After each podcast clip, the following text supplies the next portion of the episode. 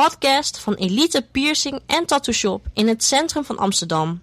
Piercings Works, open elke dag van half elf ochtends tot tien uur 's avonds. Podcast 2.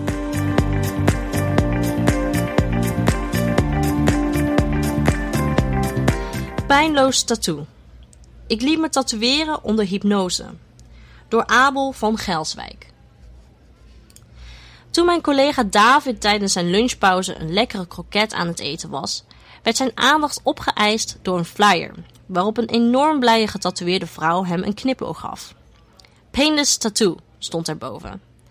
De flyer beloofde dat er geen pijn of bloed aan te pas zou komen, dat de tattoo twee keer zo snel zou helen en ook nog eens van betere kwaliteit zou zijn dan normaal. David is niet het type dat een tattoo laat zetten om een veelbelovende flyer op de proef te stellen, dus gaf hij hem aan mij. Op de website www.pijnloostattoo.nl blijkt het geheim van de pijnloze tattoo hypnose te zijn. Ik heb nooit gedacht dat zoiets bij mij zou werken. Maar het idee van een pijnloze tattoo onder hypnose sprak toch tot mijn verbeelding. Ik heb andere tattoos en weet hoe het voelt als ze gezet worden.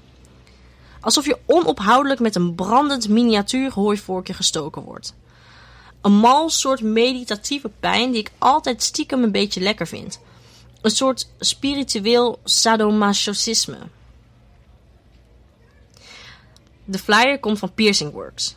Een piercing en tattoo shop vlakbij de krokettenwinkel. In andere landen bestaat de hypnotattoo al langer, maar Piercings Works is de eerste zaak in Nederland die het aanbiedt. Op de website staan een paar verhalen, onder andere van iemand die top tot teen onder de inkt zit.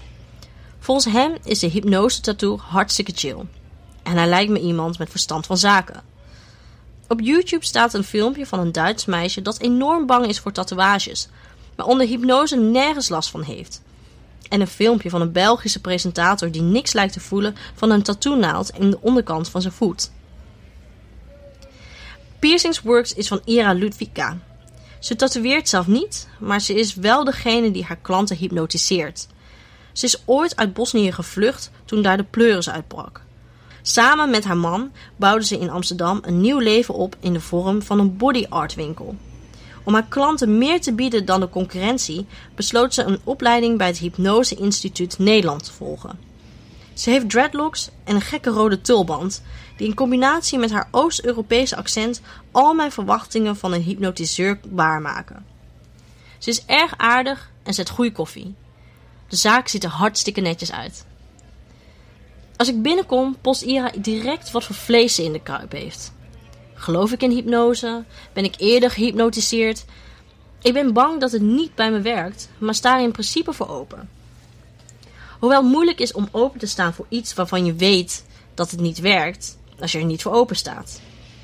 Ira stelt makkelijke vragen als: Ben je wel eens verdoofd bij de tandarts? Maar ook moeilijke vragen zoals: Wanneer voel je je totaal op je gemak? Als ik geen verplichting heb? In de sauna? Veel geld? Ik weet het niet. Een paar confrontaties met mezelf verder leiden me naar een kamertje boven de winkel met een aparte voordeur. Het is er koud en er hangen wat posters van lekkere wijven met piercings. Dat hoort blijkbaar nou eenmaal in een tattoo shop. Terwijl de tattooartiest beneden het plaatje afmaakt, begint Ira me te hypnotiseren. Stap voor stap legt ze me uit hoe ik moet ademen en wat ik moet voelen. De stoel zakt langzaam naar beneden. Je ogen worden zwaarder. Mijn ogen worden ook zwaarder. Met een zachte stem en vervreemdend accent loodst Ira me langs verschillende trappen allerlei stranden op en sauna's in. Af en toe neig ik uit een trance te raken, maar ik word nooit helemaal wakker. Ik wil ook niet wakker worden. Het voelt als een soort meditatie met een reisgids. Stap voor stap word ik in een diepe hypnose getrokken. Ira telt tot vijf en dan ben ik wakker. De inkt zit in mijn huid. Mijn huid heeft niet eens gebloed, zoals beloofd. De tatoeëerder gaat nog eens over een lijn heen met de naald, zodat ik het verschil kan voelen. En dat verschil voel ik duidelijk. Toch was mijn been niet compleet verdoofd tijdens het tatoeëren. Ik heb alles meegemaakt. Maar ik zat in een trance waarin het geen pijn deed. Ook bevond ik me niet in die koude kamer met die posters van die geile chicks. Achteraf, bleek dat de sessie ruim twee uur had geduurd, terwijl niet langer dan een kwartiertje leek. Hypnose is geen magie en je moet het zelf willen toelaten. Ik had niet gedacht dat ik dat zou kunnen, maar blijkbaar heeft Ira me over weten te halen. Toch kan ik er nog steeds niet over uit hoe het kan dat mijn huid niet is gaan bloeden. Ik voel me als Wim Hof, die gast die ijs chillt zonder kapot te gaan van de kou. Mijn nieuwe tatoeage zit nu twee dagen op mijn kuit.